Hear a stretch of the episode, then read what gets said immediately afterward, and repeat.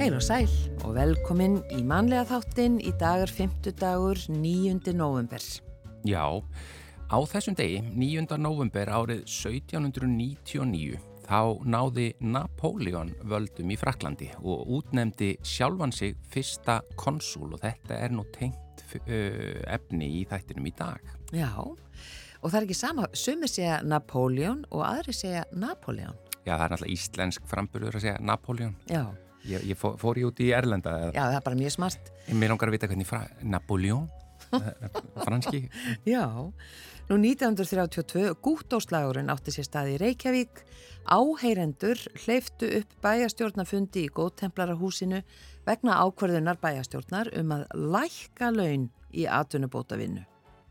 Tveimur kvalbátum var sögt í Reykjavíkur höfna á þessum degi árið 1986 og samtökin Sea Shepherd lístu ábyrð af því á hendur sér. Og svo er það 1989 fall Berlínar Múrsins. En yfir í efni þáttarins í dag. Út kallsbækur Óttas Sveinssonar hafa verið gríðarlega vinsalars í næstum þrjá áratögi. Fyrsta bókin kom út árið 1994 og þrítúasta bókin Út kall Mayday, erum að sökva, var að koma út. Og þessa bækur segja sannar sögur úr íslenskum raunveruleika og meða við móttökurnar það hafa svo sannarlega hitt beint í marki á íslenskum lesendum auk þess að hafa verið einni gefnar út í Bandaríkjunum, Þískalandi, Danmörku og Hollandi og óttar allar koma hér á eftir og ræða við okkur um út, útkallsævintýrið í 30 ár. Já, og svo eru mörg spennt fyrir því að á næstunni verður frumsýnd ný stórmynd um Napoleon sem við vorum einmitt að tala um aðan, Napoleon eða Napoleon eða Napoleon eh, eftir breska leikstjóran Ridley Scott þar sem að Joaquin Phoenix fer með hlutverk Napoleons og hann var auðvitað einn frægasta persóna mannkinsögunar en það er ekki víst að allir viti mikið um hann og Ídluði Jökulsson, hann ætlar að koma til okkar í dag og fræð okkur um einmitt tíðan Napoleon, svona stikla á því helsta, eh, en hann stjórnar námskið á vegum Endurmyndunar Háskóla Íslands einmitt um þetta efni, þar að segja Napoleon. Þannig að við bara eigum eftir að nördast endalust við hann á eftir eins langt og tí tíminn leifir. En fyrst er það uh, Bubi Mortens og Katrin Halldóra syngja hér lag eftir Bubba Án þín.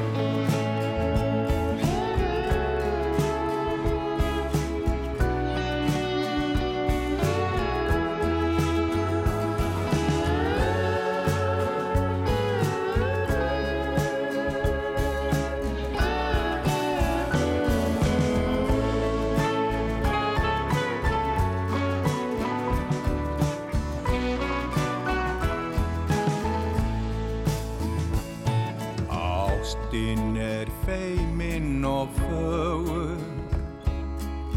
Ástin stendur stolt með sér. Ástin stækkar mig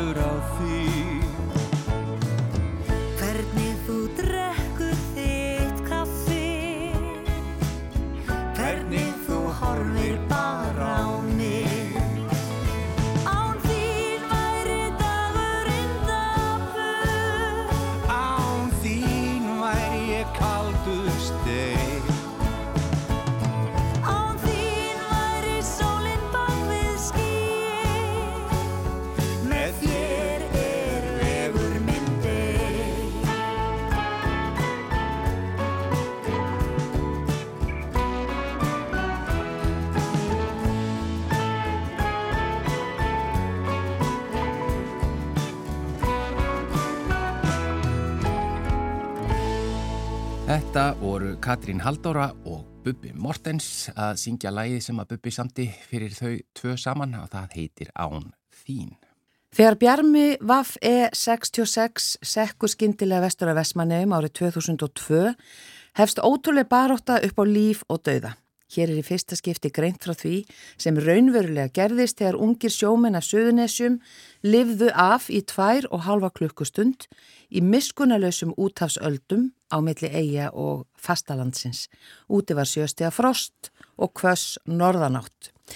Þetta les maður þegar maður eh, heldur á þessari bók Útkall Mayday erum að sökva eftir Óttar Sveinsson og hér framan á bókarkápu stendur einnig 30 ár á toppnum en útkallsbækur Óttars hafa verið gríðarlega vinsalærs í gegnum þrjá áratugi og fyrsta bókin kom út 94 og þessi hérna 30. bókin e, var að koma út og allar þessar bækur segja sannar sögur úr íslenskum raunveruleika og eh, já, með að við móttökurnar þá hafa þær bara hitt beint í mark hjá lesendum.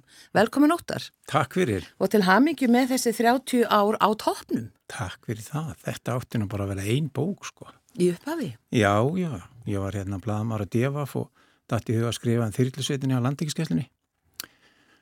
Og það var úr að það kom hann að fyrsta bókin og, og hérna það, hún var nú svona rétt komin út þegar að, að Örlugur Haldánason, hérna frendi minn hittinn, Örn og Örlugur, Já.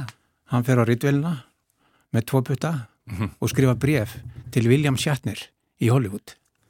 Já, út af tengingunum við Rescue 911. og segi frændi minn að skrifa svo fína bókina viljið þið ekki kvikmynda það og svo fer ég nú í ykkur bladamannaferð til Tyrklands og að var að hérna, fjallin Sofí Hansen meðal annars og ég er komið heim þaðan þá ringir hann og honum er mikið nýri fyrir og segir óttar, hvað er þetta búin að vera?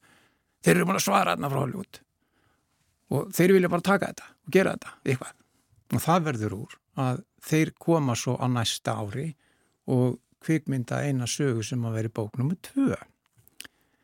Þannig að þannig, þannig að svona byrja þetta og þetta átti eins og ég segi bara að verða einn bók og þau, hún gekk svo vel þessi fyrsta að, að endilega að, að gera aðra og, og, og það varð úr og, og það eru þarna sex sögur og meðal annars einn atbyrð sem að var upp á Snæfisjökli þegar fólk fór í sprungu á vélslega og það kvikmynduðu þeir og síðan þegar þriðja bókin kemur út þá er þetta sínt í 40 löndum og svo í, á Íslandin alltaf þannig að þetta byrja svona Þú byrjar bara með kvelli.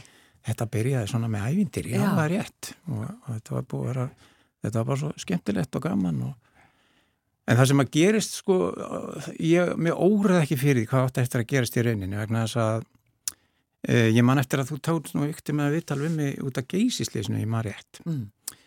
og um, það, það þýðir að maður tala við svo rosalega marga. Um, maður að tala við fólk sem jafnvel er að segja frá erfiðum atbyrjum sem er að lenda í fyrsta skipti. Hugsanlega snjóflöðin í nýðskvista gott dæmið það, 1974 aldrei neina áfalli hjálp og það var ekkit rætt um slísin, ekki, svo ræðum við þetta ekkit meir.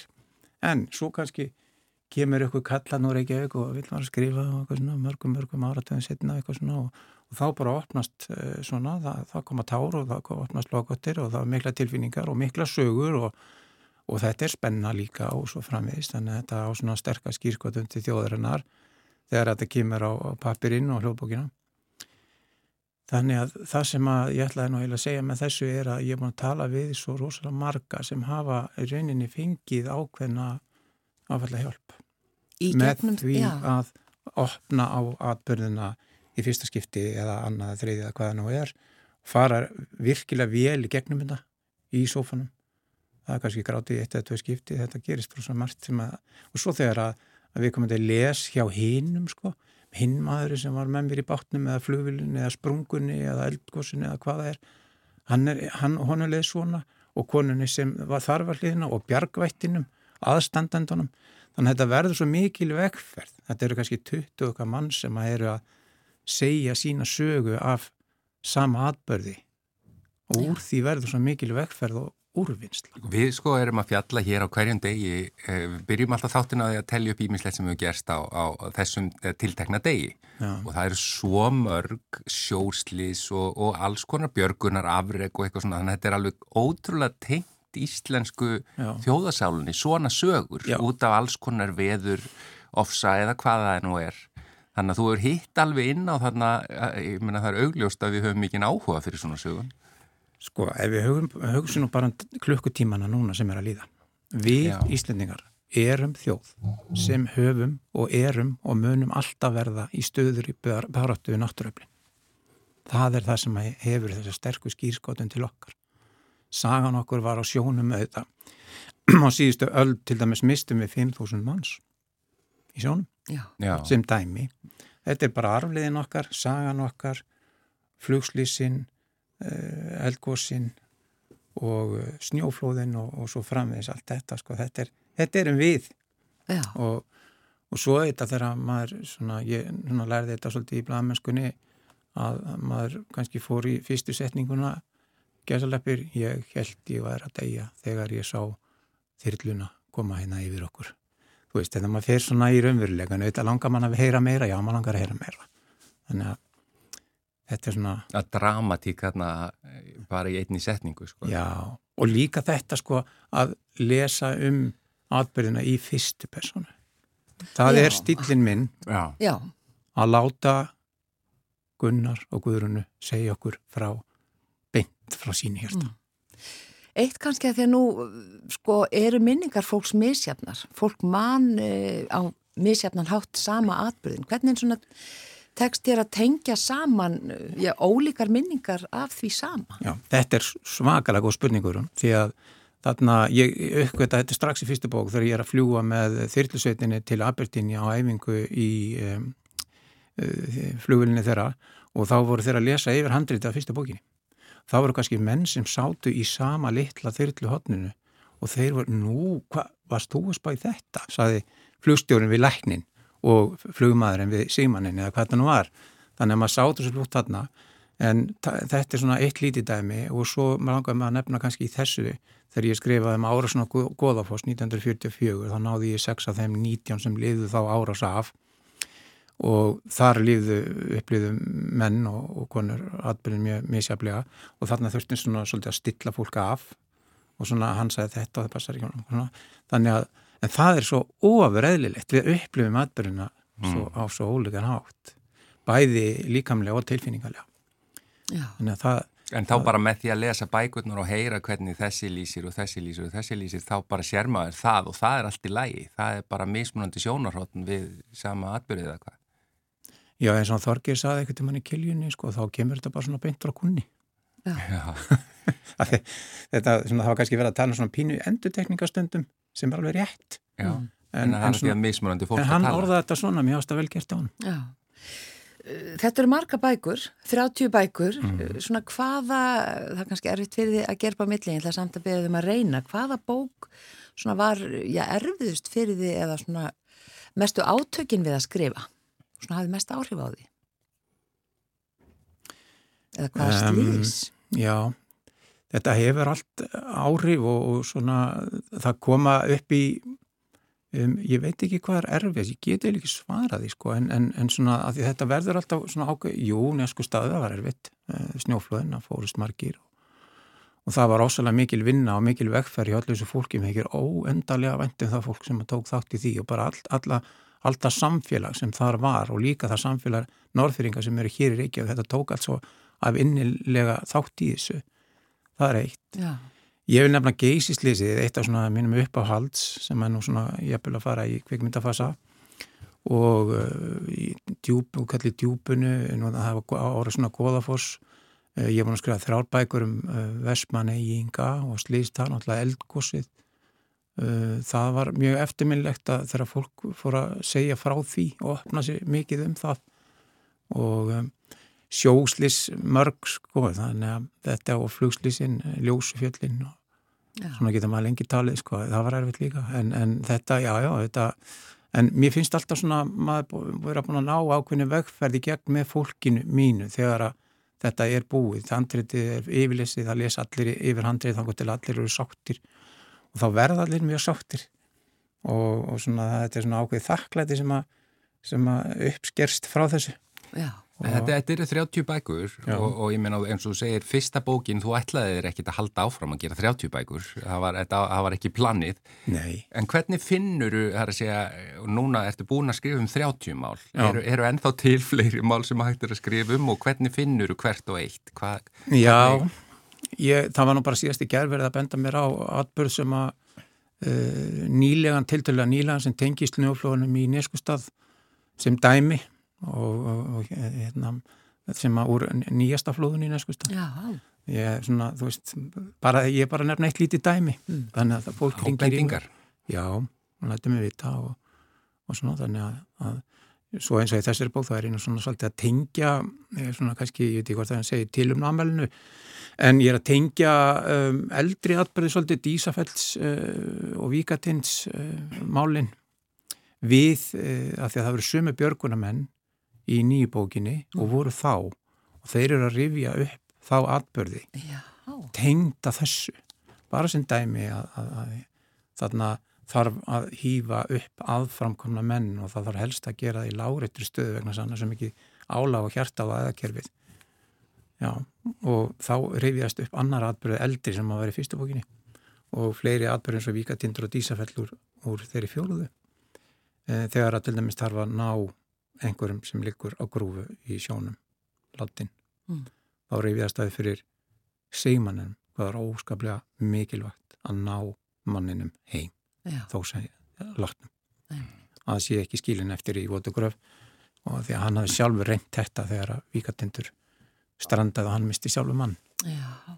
þannig að við fyrir svolítið í þetta en það er rétt að það áttu sko ekki að vera fleiri bækur en þegar maður horfir tilbaka og, og, og svona þá er þetta svona þakklæti fyrir að fá að hafa kynst svona mörgu fólki í öllum þessum geira uh, og, um, og um, feng, já, fengi allt þetta þakklæti fyrir að, að hafa fjallað um þetta því að þetta fólkið í bókunum mínum er allt lifandi.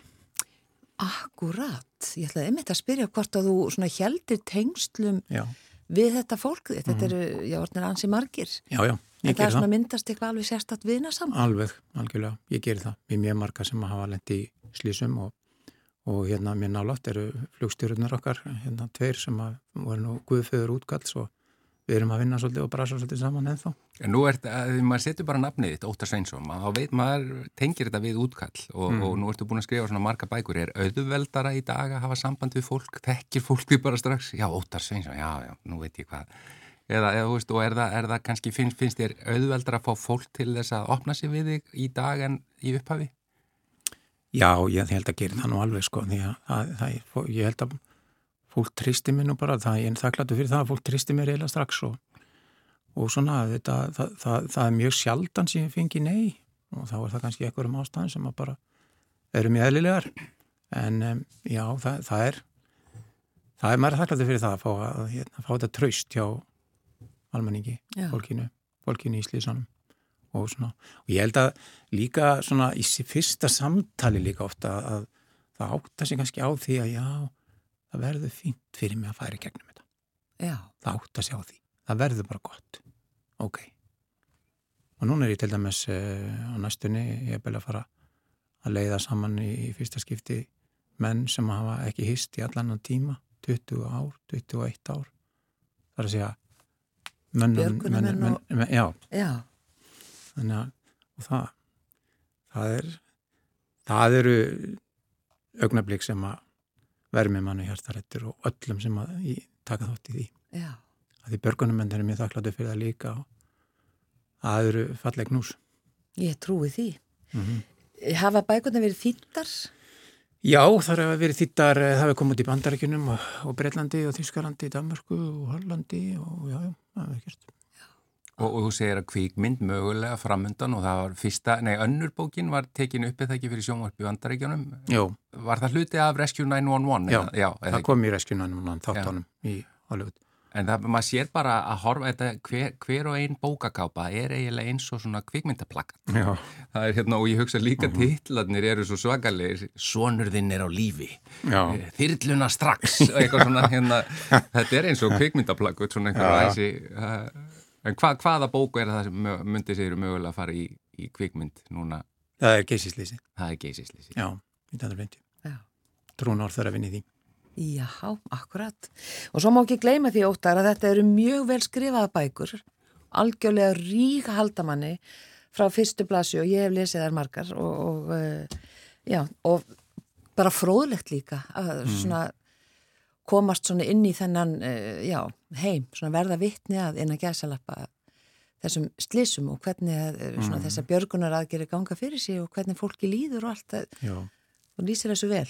takk fyrir það. Ég held nefnilega að allir sem að taka þátt í þessu og þar með ég með talin, af því að þetta er alltaf svona, eh, sko, ég byrjaði vild á aðalpersonunum sem að kannski lendir í slísinu, svo kemur kannski björguna maðurinn og maðurinn sem var með hinnum og svo framvegis. Þetta verður svona hópur og hann stekkar og stekkar, svo kemur alltaf meira meira í ljós. Og sagan verður alltaf stærri og stærri og þetta er bara verður í restinni eins og skreita jólatri í rauninni, sko, því að og það, það er, sagan verður alltaf uh, miklu stærri heldur en alla sem tóku þátt í og þar með ég með talin óraði fyrir að þetta væri. Eins og til dæmis bara getum við tekið e, núna að, að þetta eru, það eru e, rauninni tveir hérna sem að lifa þetta af en tveir gerðu það ekki og þeir voru bræður. Já. Þar með missir móðir þeirra tvo sinni. En svo kona hafði mist þriðja sonin 1986, langu áður. Mm. Og í líka í sjóslýsi. Og svo hafði hann mist mannin sinn, líka fyrirmann sinns í sjóslýsi. Svona spinnst þetta og ég fer síðan að grafast fyrir um þetta og fer í sögu þessa fólks. Og svo fjölskylda sem var mér ómentaleg stóð hérna, ómöndanlegt við gerð þessar bókar þetta fólkar saman sem að átti þessa konu hérna, sem að þessa gömlu konu sem að varð, varð næst elsti starfsmaður elli heimilsins grundar. Hún var starfsmaður elli heimilsins grundar og var 83 ára hún hætti og hætti nú bara átti því að hún sleitt crossband.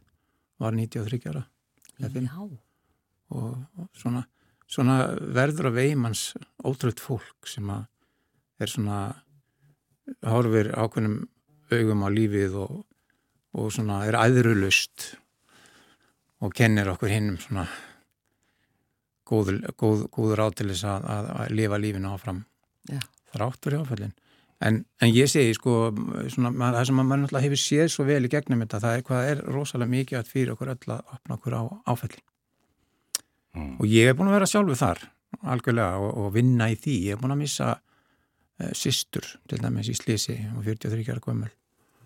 Og, um, og verða fyrir öðrum áföllum í lífinu líka. Og þetta er allt sama verkefni sem að maður þarf að, að fara í gegnum og, og svona eins og þjóðurinn segir ágænt súundur, það er að segja að loka augunum og í gegnum þetta, en kannski, en maður þarf að opna sig og, og í gegnum áföllin og, og þá breytist lífið og verður miklu, miklu bjartar og betra og það er kannski það sem ég tek svolítið með mér í þessum bókum að þetta fólk sem er með mér að, að, að það er að, að ná allavega ykkur í liti að svona losa hnútana.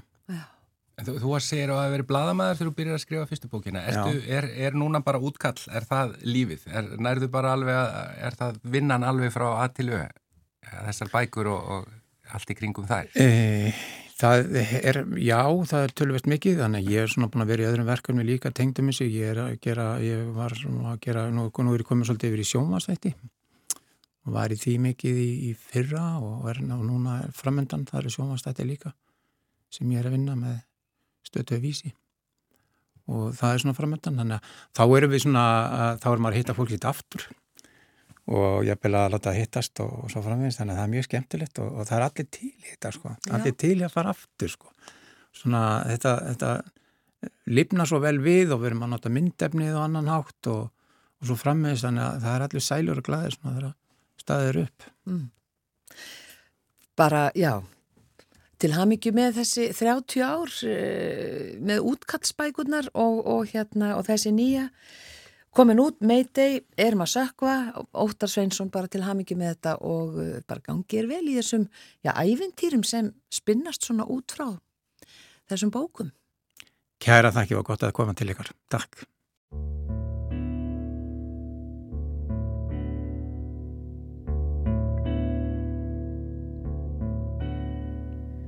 Moon River, wider than a mile. I'm crossing you in style someday.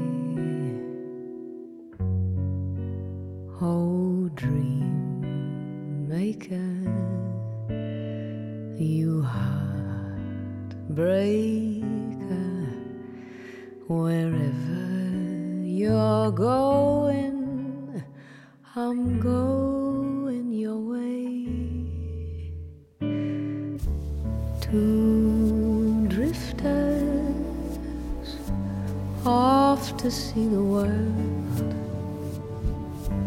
There's such a lot of world to see.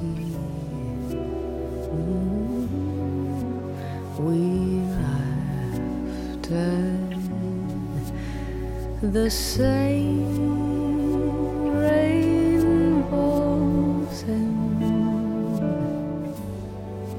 waiting round the bend. My huckleberry friend, Moon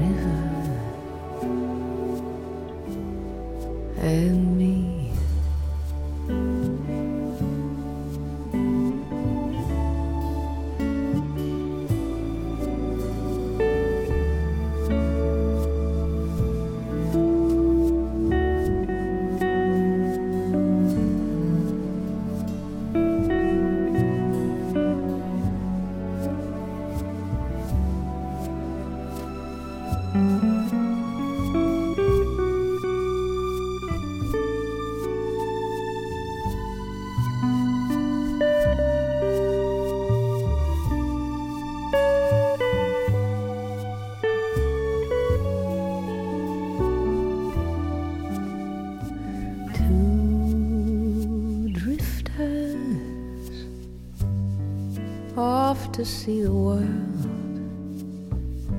There's such a lot of world to see. We're after the same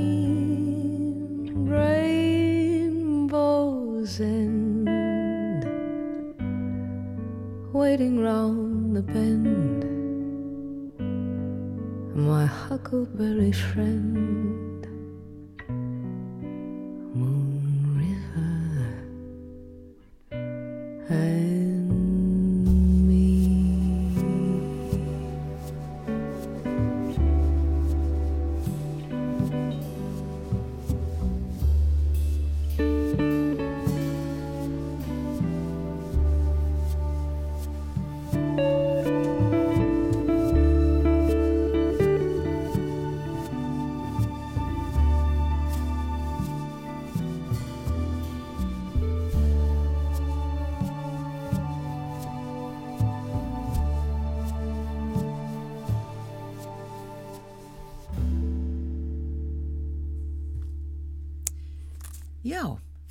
þetta var eh, Moon Rivers, Melody Gardot, eh, lag eftir Henry Massini og Johnny Mercer.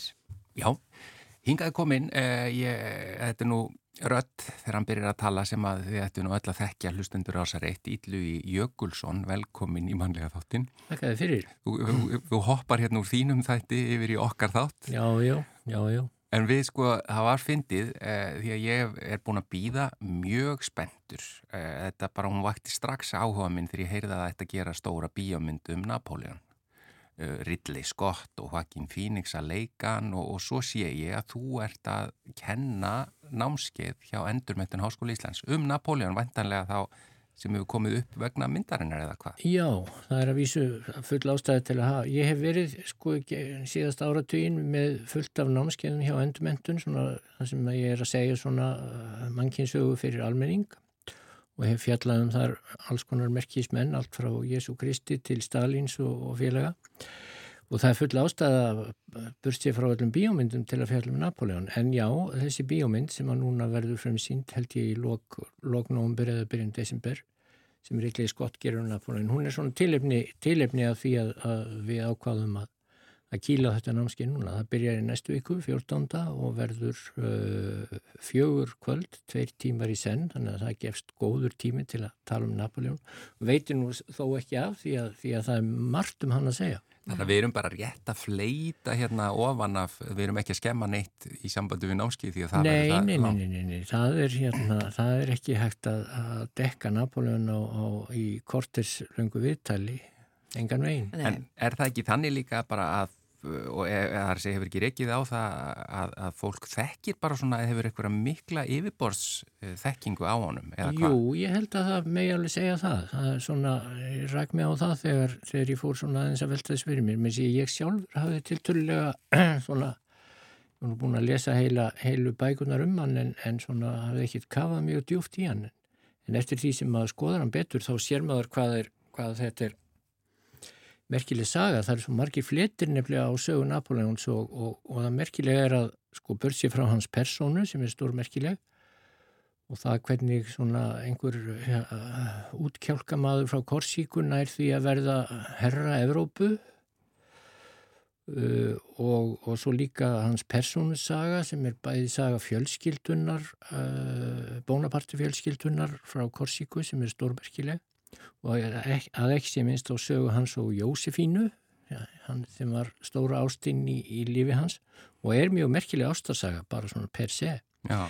en börsið frá þessu öllu saman uh, þá vil svo til að núna um þessar myndir er saga Napoleons uh, förðu aktúel vegna þess að það eru minnstakosti tveir, þrýr þættir hann, á hans ferli sem að skipta verlu máli núna. Það er til dæmis sko einrásans í Rústland Já. 1812 sem að uh, hann fór þar mikla hrakvarir sem ég mun fjalla um ítarlega á, námskeiðinu en svo einrás hefur til dæmis alltaf verið notuð af rússum og ekki síst Pútín núna upp á síðkasti til þess að, að réttlæta það að, að rússar verði að hafa leifi til að mynda svona einhvers konar bufferzón eða, eða, eða svæði réttlæta innrást þeirra í Úkrænu að því að þeir verði að hafa borð fyrir báru í vestur átti að þeir geti hvena sem er áttu vona á innrásum þaðan og þá er innrás Napoleons meðal annars og ekki síst notu þar.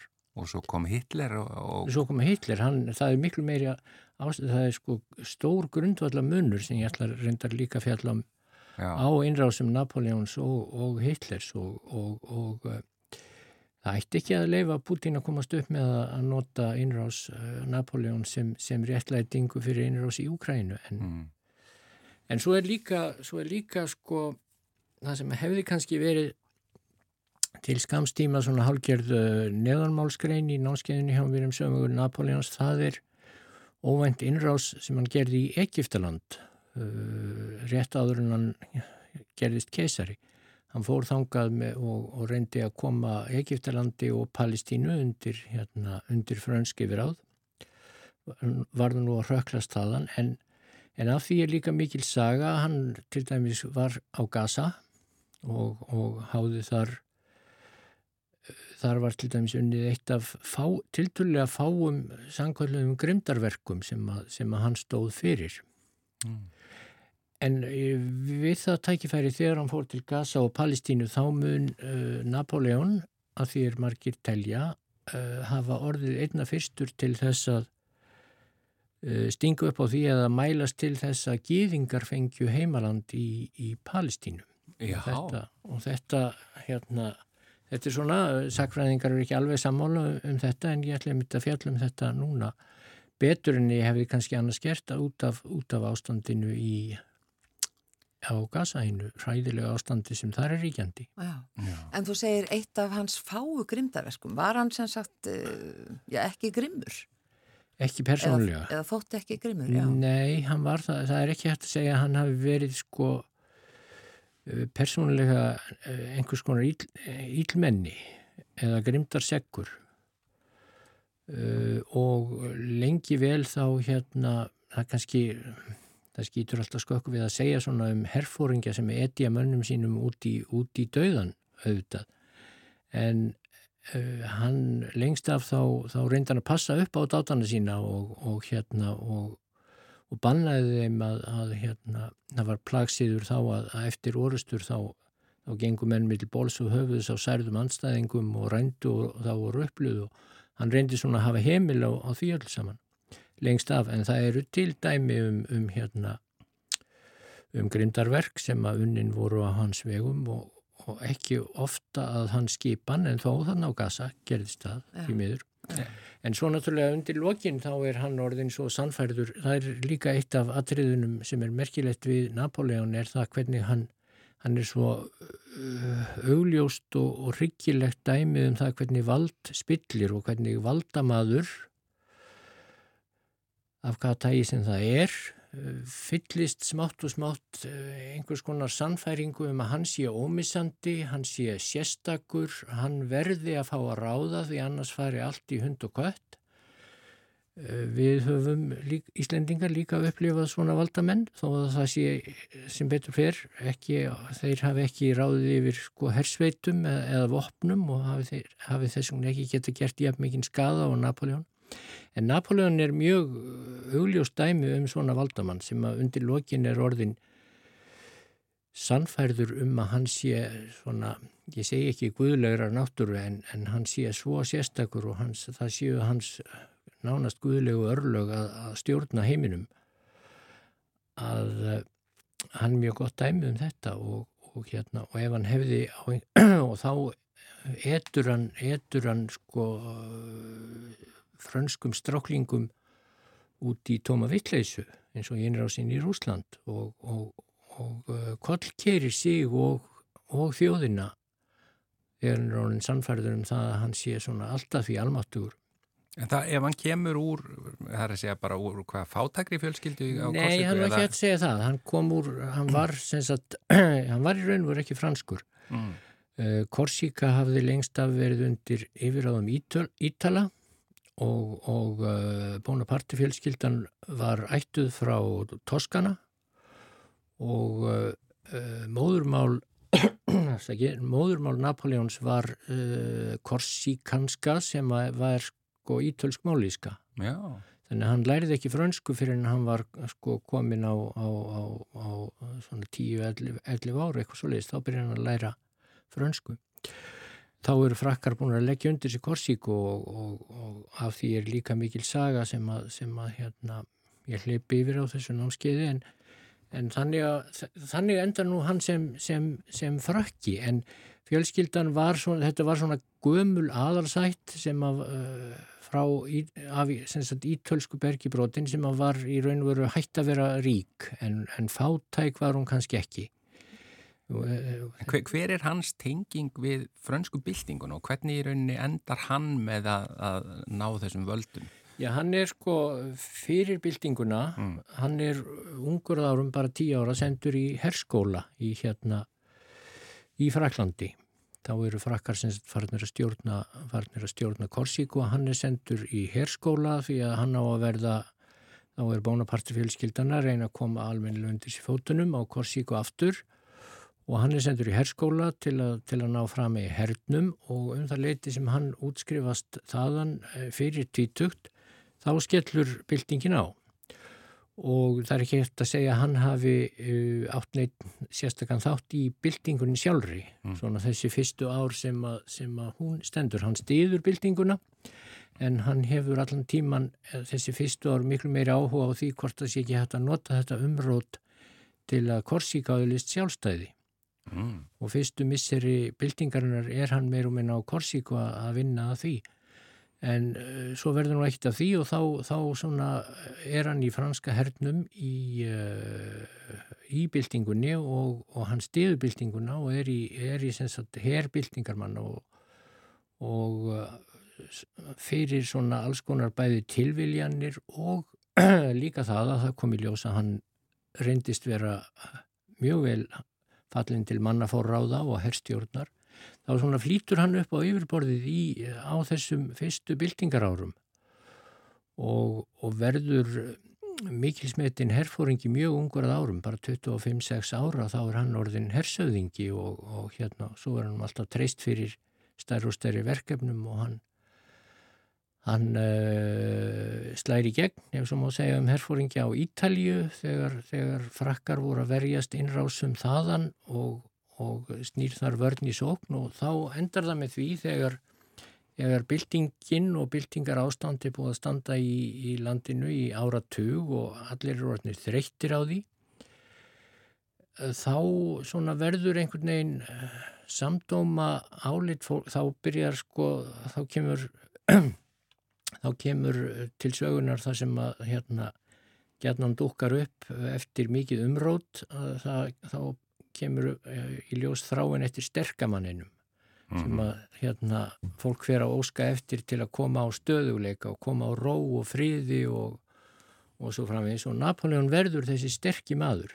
því að hann hérna þá er hann orðin greinilega eh, besti og, og mesti herfóringi byltingarinnar og hann verður sterki maðurinn sem allir kalla eftir og svo stýrir hann landinu framan af við afskaplega góðan orðstýr og og hann var ekki bara uh, herfóringi, hann mótaði líka svona, þessi fyrstu valda ár sín sem keisari, þá er hann að stúsa á fullu við að sko móta gjörbreytt samfélag frá því sem verið hafði.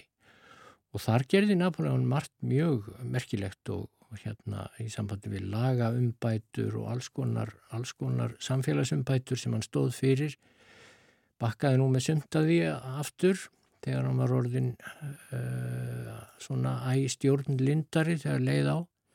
En, en sagt, uh, þættir Napoleóns að því að móta nýtt samfélag eftir byltinguna er mjög, það, sáþáttur er líka mjög merkilegur en hann átti ekki þátt sagt, í byltingun sjálfri, það er eiginlega ekki hægt að segja það. En hva, hvað var svona merkilegt við ástasöguna hjá honum og Jósefínu?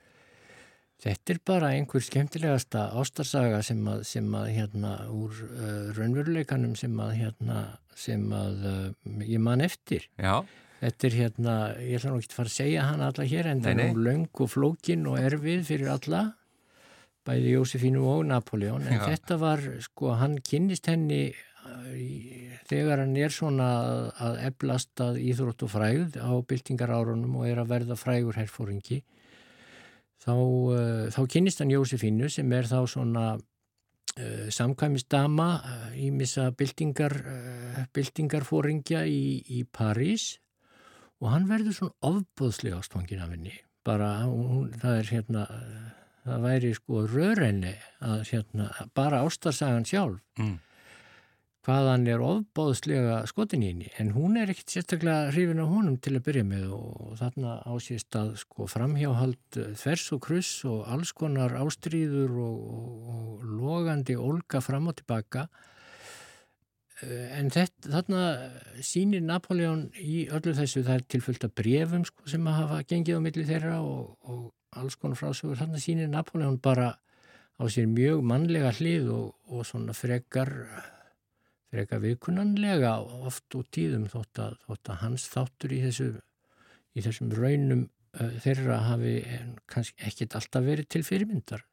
Þá er þetta uh, virkilega dramatísk saga sem ég hef, hef grunn að, að Ridley Scott muni, muni hérna fara um þetta um, mörgum orðum og myndum í, í myndinni. En það er þetta uh, sagunum Jósefínu er, er hérna alveg þessi virði að, að fjallum hana sérstaklega á, á, á heilur námskeiðin, ég ætla nú ekki að gera það en, en Jósefínu mun koma mjög við sögu.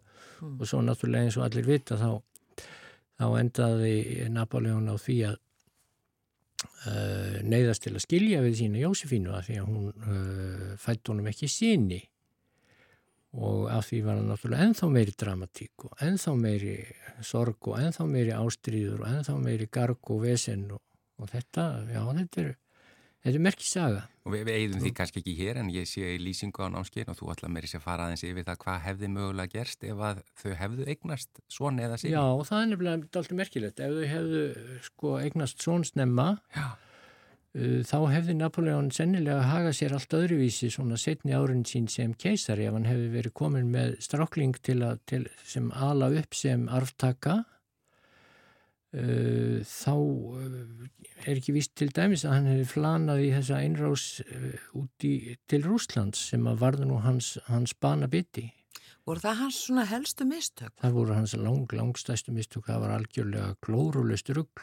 Já og hérna það verður nú heilt kvöld á, á, á námskeiðinu tekið undir þá uh, óurlegu sögu þegar hann fór með stæsta her í heimi inn í Rúsland og það er merkilegt til dæmis hvað, hvaðan í raun og veru ætlaðist fyrir eins og ég var að segja á þann rússar hafa tólkað þetta sem sem einhvers konar tilrönd til að leggja Rúsland undir sig og eigða rúsneskri menningu og svo leiðis og þess vegna þurfi þeir alltaf að hafa varan á sér gagvart uh, vesturlandamennum en það var uh, bara bull sko, hann ætlaði ekki að leggja undir sig Rúsland, hann ætlaði bara að sigra rúsakeisara í einni orustu og knýja þá svo til að til að gera svona ímsal hluti diplomatist en, en, en svo endar þetta með þessum hryllingi sem að þessi einrás varð Uh, bæði fyrir, fyrir rúsa en, en þó ekki síst fyrir hérna fyrir frakka. En það er til dæmis eitt merkilegt að sko hann uh, þvælist þarna um Rúsland, Rúsland í, í, í eina tvo mánuði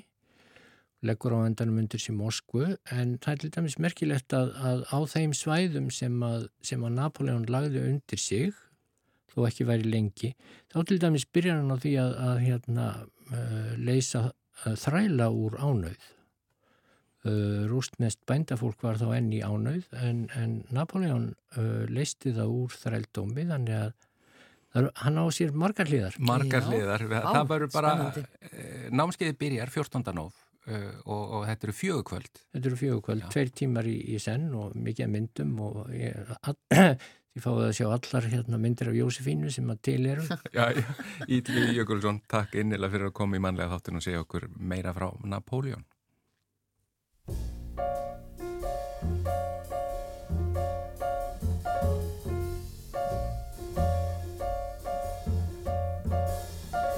Napoleon's a pastry Bismarck is a herring Alexander's a creme de coco mixed with rum. And Herbie Hoover is a vacuum.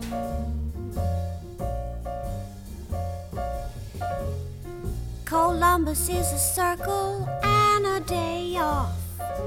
Pershing is a square, Caesar is just a salad on a shelf. So, little brother, get wise to yourself. Life's a bowl and it's full of cherry pits. Play it big and it throws you for a loop. That's the way with fate. Comes today, we're great. Comes tomorrow, we're tomato soup. Napoleon's a pastry. Get this under your brow. What once used to be a rooster is just a duster now.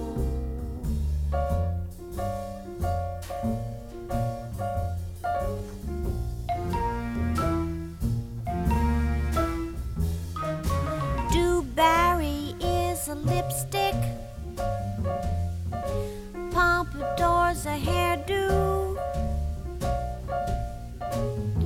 Good Queen Mary just floats along from pier to pier. Venus de Milo's just a pink brassiere. Sir Gladstone is a bag, ain't it shocking? Mighty Kaiser's just a stocking. Tsar of Russia is now a jar of caviar. And Cleopatra is a black cigar.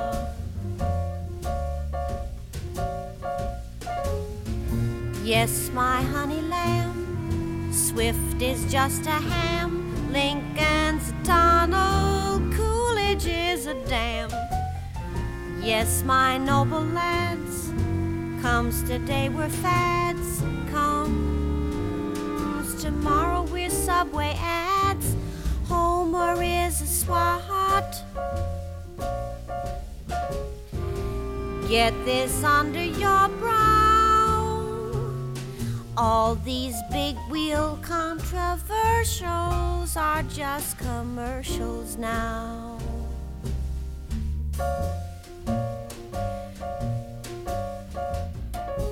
Better get your jug of wine and loaf of bread before that final bow.